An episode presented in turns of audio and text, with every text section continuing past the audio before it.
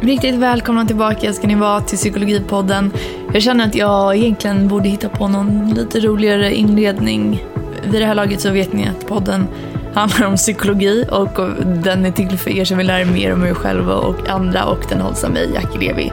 Så nu när vi har etablerat det i de första 30 avsnitten så känns det ju som att vi kan röra oss vidare mot någonting annat. Jag ska tänka ut det till nästa vecka.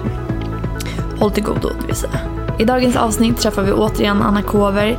Anna är för er som inte vet och inte hört förra veckans avsnitt en psykolog, psykoterapeut, författare och ja, hon har väldigt lång erfarenhet av många olika patientgrupper. Vi kommer prata om acceptans, om vad skillnaden är mellan att acceptera någonting och att ge upp. Om självmedkänsla och hur man kan bli sin egna, ja, inte sin egna värsta fiende i alla fall. Så att häng kvar så sätter vi igång. Välkomna hit. Om man tittar på begreppet acceptans, mm. vad är det för någonting? Ja, eh, jag skrev ju en bok om det för ett antal år sedan och acceptans är att eh, med alla dina sinnen välja, och det, det ordet är viktigt här, välja att ta in verkligheten eh, precis så som den är. Utan att förvränga den, utan att fly från den, eh, utan att döma den. Och också ingår det i begreppet acceptans att eh, agera klokt utifrån din acceptans, utifrån den verkligheten som du ser. Alltså att se verkligheten utan skygglappar.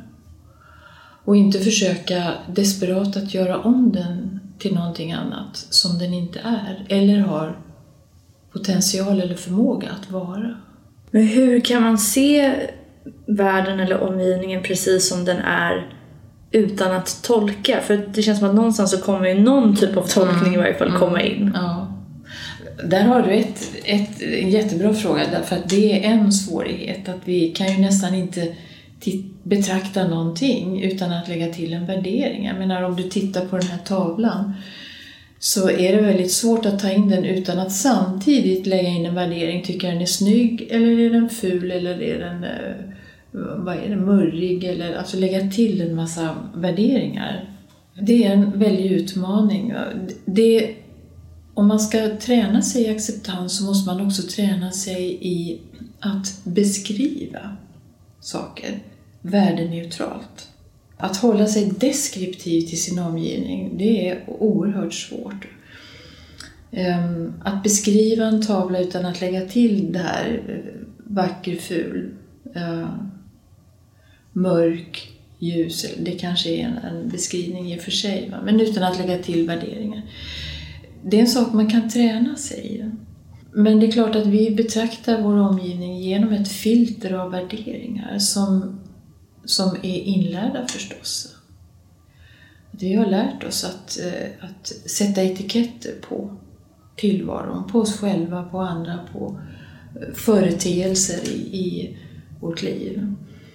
Och delvis är det ju nödvändigt ibland att kunna göra det, att kategorisera eh, för att förenkla för oss. För att eftersom omgivningen är så komplex för oss, att vi, vi har så många fenomen att förhålla oss till, så att vi behöver förenkla. Det är inte givet att vi också måste döma. Så att acceptans är verkligen att med öppna sinnen se och beskriva. Och det skulle man också kunna säga är, alltså en del utav acceptansen är det här med mindfulness som många har eh, hört talas om och som många också går och tränar sig i. Va? Det finns ju retreats med, där man lär sig att styra sin uppmärksamhet, alltså mindfulness retreats. Och det kan man säga är en del av acceptansen, men, eh, men kanske inte det förklarar inte hela fenomenet med acceptans. Mm. Du sa att en del i acceptans är att lära sig att beskriva verkligheten så som den ser ut utan att värdera. Mm. Men är det så att vi är så sjukt inlärda i att värdera vår omgivning hela tiden? Mm. Att det är därför det är så svårt att omsätta det här med acceptans i praktiken? Ja, man kan nog säga att det är eh, ett jättehinder i alla fall. Därför att vi är vana att tänka i termer av hur saker och ting borde vara hur saker och ting måste vara utifrån inlärda regler och uppfattningar om hur livet ska vara, hur vi borde vara och uppföra oss, vad som är rätt och fel, vad som är vackert och fult och så vidare. Eh, och när verkligheten inte är sån, så att den inte stämmer med, med så som vi tycker att det borde vara, då försöker vi att eh, med alla medel få till verkligheten så att den ska stämma med vår uppfattning. Och eh, det är inte alla gånger så väldigt konstruktivt för oss att, att göra det. Om du till exempel tänker dig att, jag menar, det är ett trivialt exempel det här med tavlan, men om du, om du istället tänker på att du behöver kunna acceptera både fenomen i det yttre och fenomen inuti dig själv. Då blir det här med att acceptera sitt inre, det är ett snäpp svårare kanske. Att acceptera att man har svåra känslor eller tänker mycket negativa tankar. Eller att acceptera att man är så som man är, det temperament man har, den personlighet man har. Det är liksom kanske något av det svåraste vi har, att acceptera oss själva. Eh, nu kom jag bort från din fråga, hur var den? Den var... Eh, den kom jag också bort från. Jo, men att om det är så att ett hinder mot att uh, acceptera vår omgivning är just att vi inte har lärt oss hur man observerar utan mm. att värdera. Mm. Mm. Ja, det är åtminstone oerhört svårt att skilja de två sakerna åt. Mm. Därför att vi är så vana i det. Och det här borde, måste, hur, hur, hur vi själva borde vara eller hur andra borde vara, hur livet borde vara. Det färgar ju hela vår tillvaro på något sätt. Så det är väldigt svårt för oss när det blir en stor diskrepans mellan hur verkligheten faktiskt är och hur, hur, eh, hur vi tycker att den borde vara. Och den leder oss in liksom i en kamp, tänker jag, mot verkligheten för att förändra den. Och också en kamp mot oss själva eh, för att förändra oss så att vi kan bli de vi tycker att vi borde vara. Och eh, det är ju faktiskt så att eh, livet är inte alltid enkelt. Livet är inte alltid smärtfritt.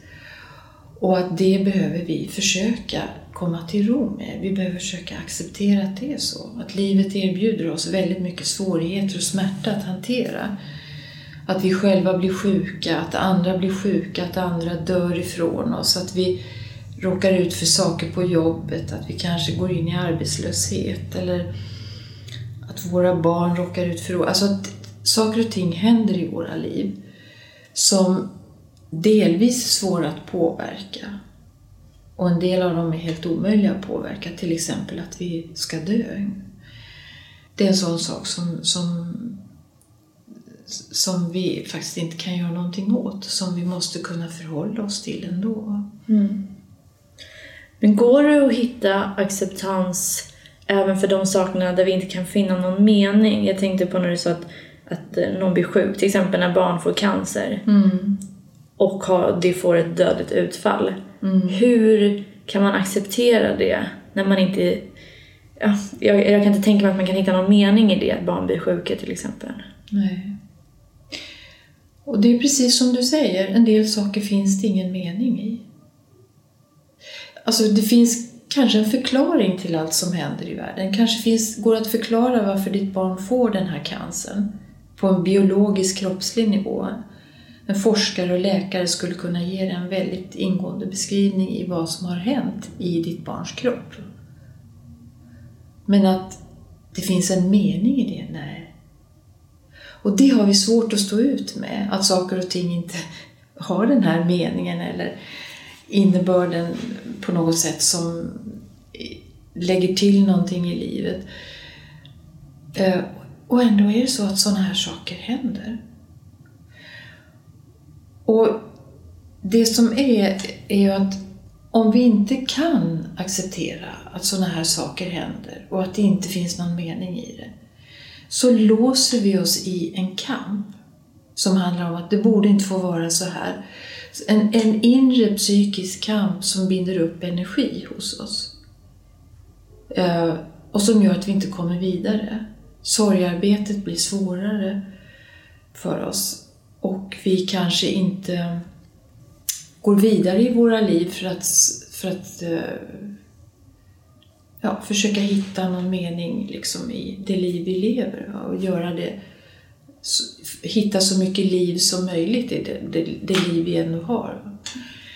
Så att icke-acceptans har ett högt pris ibland. Mm.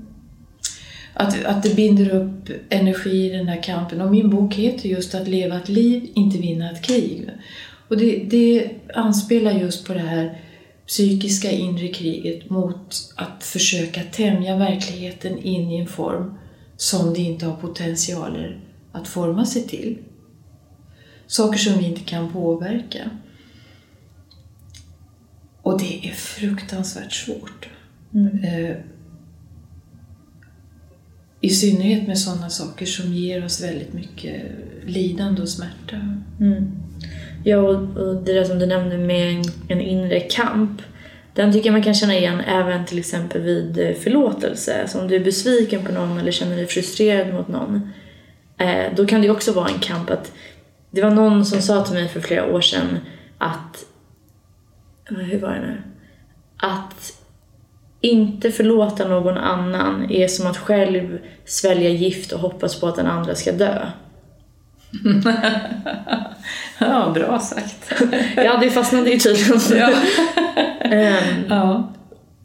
Och även om jag då teoretiskt kan förstå det här och hålla med om det här. Varför är det så jäkla svårt att släppa den där kampen? Att, för det handlar ju om att befria sig själv från lidande genom acceptans. Ja, ja. Men det känns inte som man ens har fått någon träning i acceptans. Allting liksom, från att man växer upp till allting går att påverka, allting går att förändra. Mm. Det är ständig rörelse, det är en mm. process. Mm. Mm. Alltså jag kan tänka mig att i, i det problemet om du har svårt att förlåta, att, du, att det ligger ett borde i det här. Den här personen borde inse hur fel hen har gjort mot mig. Jag ska banne mig se till att den här personen får den insikten. Och där kan ju jag eh, lägga ner oerhört mycket energi på att få den här andra att inse. Eller hur? Och det kanske jag gör till en, kan göra till en viss gräns, men sen kanske det övergår i en, en rigiditet, en fixering vid det här. Eh, om den andra personen inte, inte, tar, inte ber om förlåtelse, inte, inte förstår, inte tycker som jag helt enkelt inte har samma åsikt om vad som har hänt eller så. Eh, och det binder upp energi, håll med om det. Att det, kan, det kan binda upp väldigt mycket onödig energi på någon sak som, som där jag ändå inte har någon större chans att vinna en sån kamp. Och det är ju oerhört sorgligt. Att, eh, jag, jag brukar ta det här exemplet med om din partner lämnar dig och du har jättesvårt att acceptera att det är så, så binder du förmodligen upp en energi på att hämnas eller göra det svårt för partnern att, att liksom, äh, svårt att dela upp vårdnaden om barnen, om prylarna och så vidare.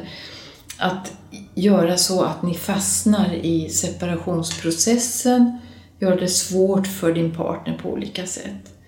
För att han borde inte ha lämnat dig, han borde ha fortsatt älska dig eller så. Och den det slår mot är ju bara dig själv.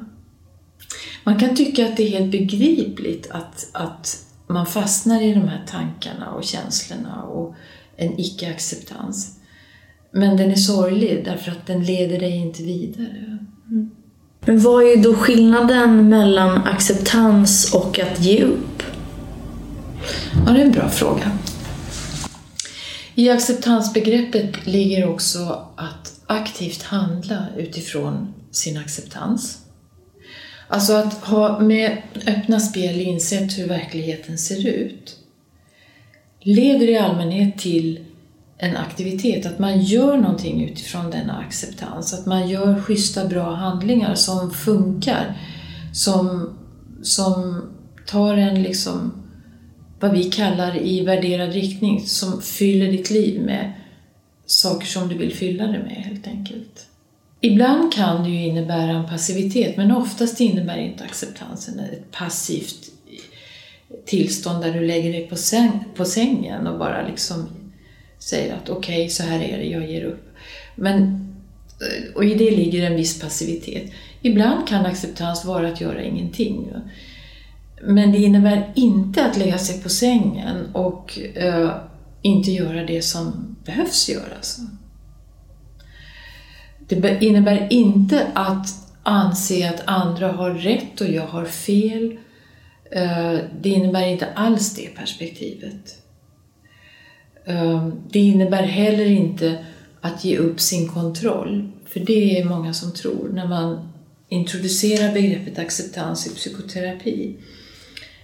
Eh, det kan skapa en tanke om att om jag accepterar så tappar jag kontrollen över mitt liv. Att, att icke-acceptans ger en form av kraft va? att man ska jädrar i mig kämpa och liksom så. Och, och, jag tror inte på den typen av kamp. Jag tror på klok, eh, kloka beteenden, kloka ehm, ageranden utifrån eh, ett annat perspektiv, nämligen att, att ha sett och kommit till ro med, med saker och ting så som de faktiskt är. Och sen på något sätt öppna händerna mot det här. Jag brukar kalla det så. Liksom. Vänd upp händerna mot hela situationen. Du kan inte göra någonting, Anna. Du kan inte fixa den här situationen just nu. Det finns kanske kloka handlingar att göra sen, men just nu är det så här. Men upplever du då att frustrationen lämnar dig? För att man pratar ibland om att man ska känna känslan, surfa på känslan mm, mm. och att eh, liksom, välkomna den på något sätt. Mm. Jag har aldrig riktigt förstått vad det betyder för att känner jag känslan så känner jag ju känslan. Mm. Vad betyder, förstår du vad jag menar? Men jag kan reglera den okay. och, jag, och jag behöver trycka på den här acceptansknappen hela tiden därför att den poppar ut liksom och så hamnar jag i icke-acceptans och dömanden och det borde inte vara så här och liksom kampen, jag hamnar i kamp.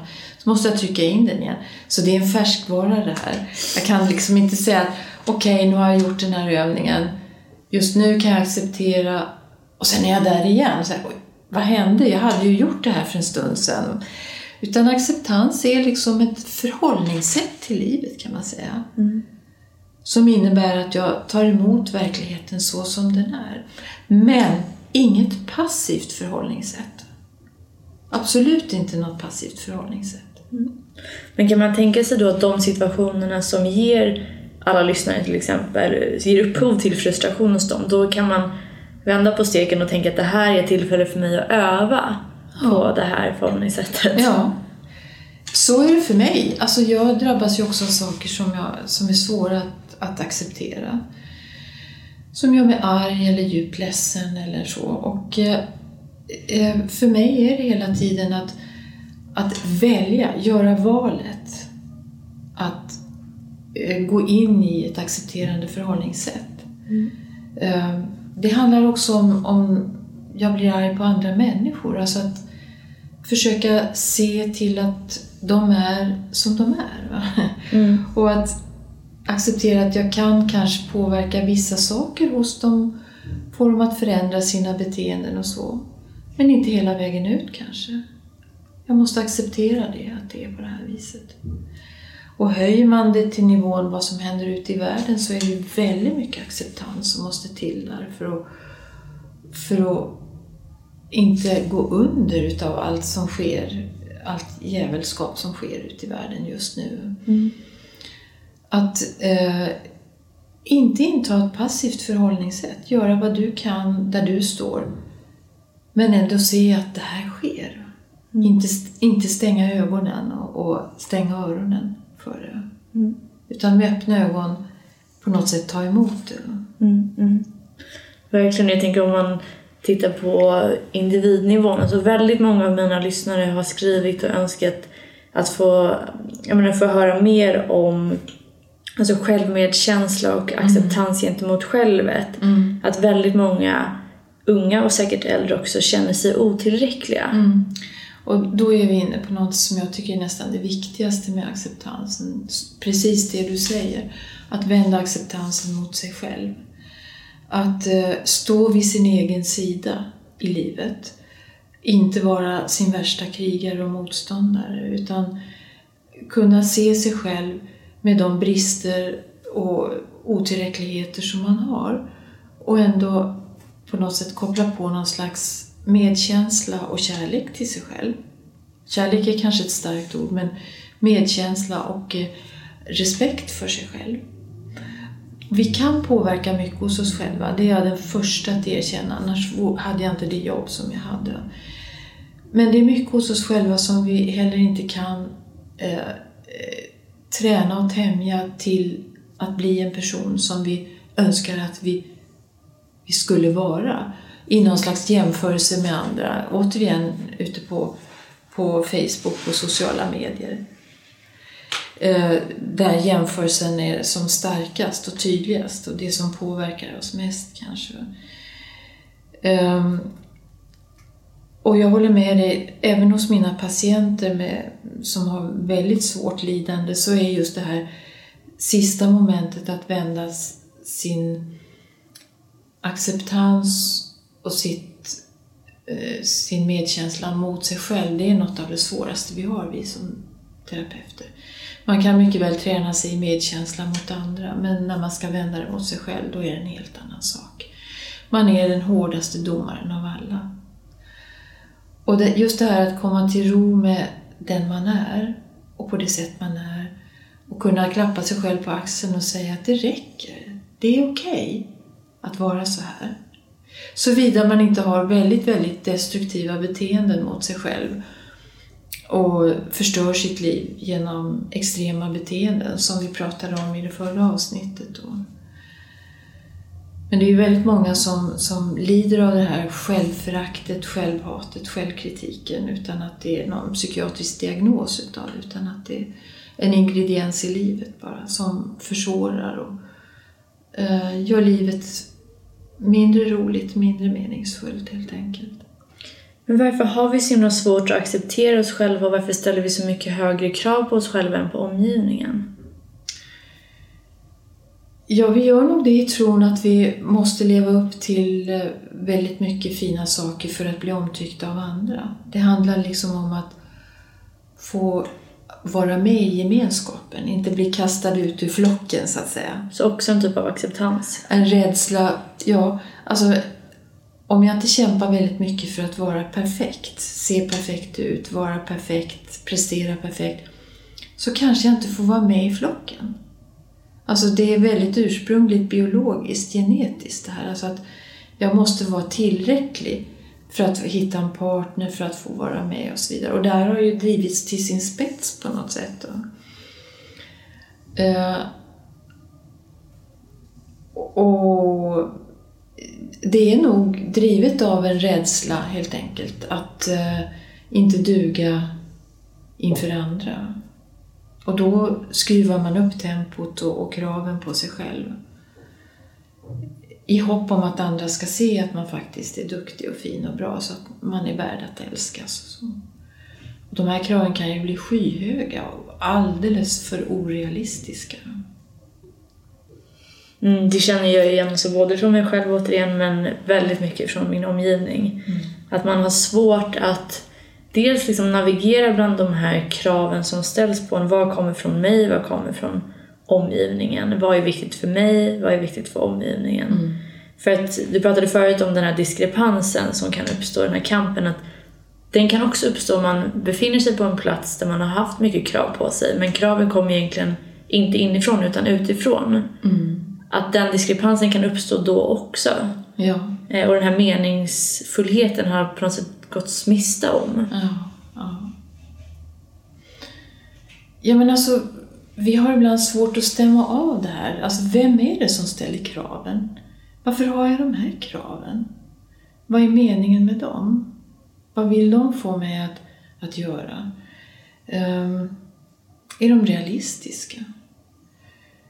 Um, och alltså, Det här pratar jag väldigt mycket med mina patienter om, just det här självföraktet, självhatet, självkritiken. Därför att det slår rakt över alla typer av problem och diagnoser på något sätt. Att man, att man känner sig otillräcklig helt enkelt. Ett väldigt, väldigt sorgligt fenomen. Eh, och ett fenomen som vi alla nog känner igen oss i. Mm. Så alltså jag har... Eh, man, man kan ta hjälp av olika mantran kan man säga. Liksom just det här... En väldigt prestationsinriktad person som driver sig själv, piskar sig själv jättehårt och riskerar att gå in i utmattningsdepression och utbrändhet och allt vad du vill. Alltså att man, man tränar sig i mindfulness, acceptans och naturligtvis mängder av andra saker. Men också att kunna säga till sig själv att det räcker. Och så klappa sig själv på axeln. Det räcker nu. Det räcker. Inte mera nu. Snarare mindre. Det är helt okej okay, det här nu. Och att, att försöka kombinera det just med den här känslan att komma till ro med det. Det är som ett hav som lägger sig efter en storm på något sätt, att det stillnar. Va? Det blir ett blankt vatten. Att det är en, en metafor för att komma till ro och acceptera. Uh, men det är en, en jätteutmaning och eh, den här boken som jag skrev har ju också lästs av väldigt många, tror jag, just den här anledningen att det är så förfärligt svårt. Därför att vi är inne i det som du var inne på också, en förändringsagenda. Att hela livet måste bestå av en förändring, att pusha sig, pressa sig mot någonting annat. Bara jag har det här andra så kommer det bli bra. Ehm, och om jag släpper taget på den här förändringsagendan då stillnar ju hela livet. Vad blir det då? Då, då blir jag rädd för att allting bara puff, att livet liksom inte innehåller någonting. Men det kan vara precis tvärtom. Att då kan jag få den här genuina livskänslan av att ge upp den här kampen framåt mot förändring. Men acceptans har ju lätt, eller icke-acceptans övergår lätt i den här eh, tanken om att jag måste förändra, förändra, förändra. Mm. Förändra min kropp, förändra mitt kök, förändra mitt jobb, förändra, alltså hela tiden. Um, och om man inför det här då, begreppet att men, kan det inte vara bra precis så som det är? Så, så skapar det en rädsla för att men, stillaståendet är farligt. Just för att vi har lärt oss att utveckling är det som är fint. Framåt är det som är fint. Mm. Förändring är det som är fint. Mm. Och vad går man miste om på vägen kan man ju då undra. Mm. Jag tänker också, alltså vi är ju, eller vi var ju väldigt länge jägare. Mm. Av helt andra skäl då, då jagade vi ju käk. Mm. Men att den här jägarådran fortfarande är så himla stark. Men mm. nu, jagar, nu jagar vi. Nu jagar vi. nu jagar vi andra saker. Ja. Ja. Jo, och det varierar ju över tid vad det kan vara. Jag menar, uh, uh, det är naturligtvis väldigt mycket materiella saker vi jagar efter nu. Men, men de sista tio åren handlar det också om att jaga lyckan. Och så har folk insett att lyckan ligger inte i ett antal tjusiga bilar och båtar och hus och så, utan lyckan ligger någon annanstans som kanske är svårare att uppnå än det här materiella. Mm. Och kanske ligger i förmågan att eh, öppna sinnena för det som är. För saker, i, för andra människor, för naturen, för saker som skapas och öppna sinnena för nyfikenhet på hur saker och ting fungerar och sådana saker. Kanske är det där lyckan ligger. Mm. uh, och, och det har ju också blivit en jakt. Va? En jakt på att vara här och nu, en jakt på yoga, en, en jakt på hälsa. Det har också blivit en fixering, det här att eh, leva hälsosamt. Ehm, det är väl inte tokigt i sig. Va? Men själva jakten kan ju gå överstyr. Jakten kan bli en kamp. Mm. så mm, kanske vi halkade ifrån acceptansområdet. Men eh, Allt hänger ihop. ja, ja. Med de orden så rundar vi av för idag. Tack återigen för att du ville vara med. Det var så mycket kloka ord. Jag ska sätta mig och lyssna på det här själv typ tio gånger. Tack för att jag fick prata med dig. Du Självklart. har givit mig mycket också. Tack. Hej då hörni, vi hörs igen nästa vecka. Puss och kram.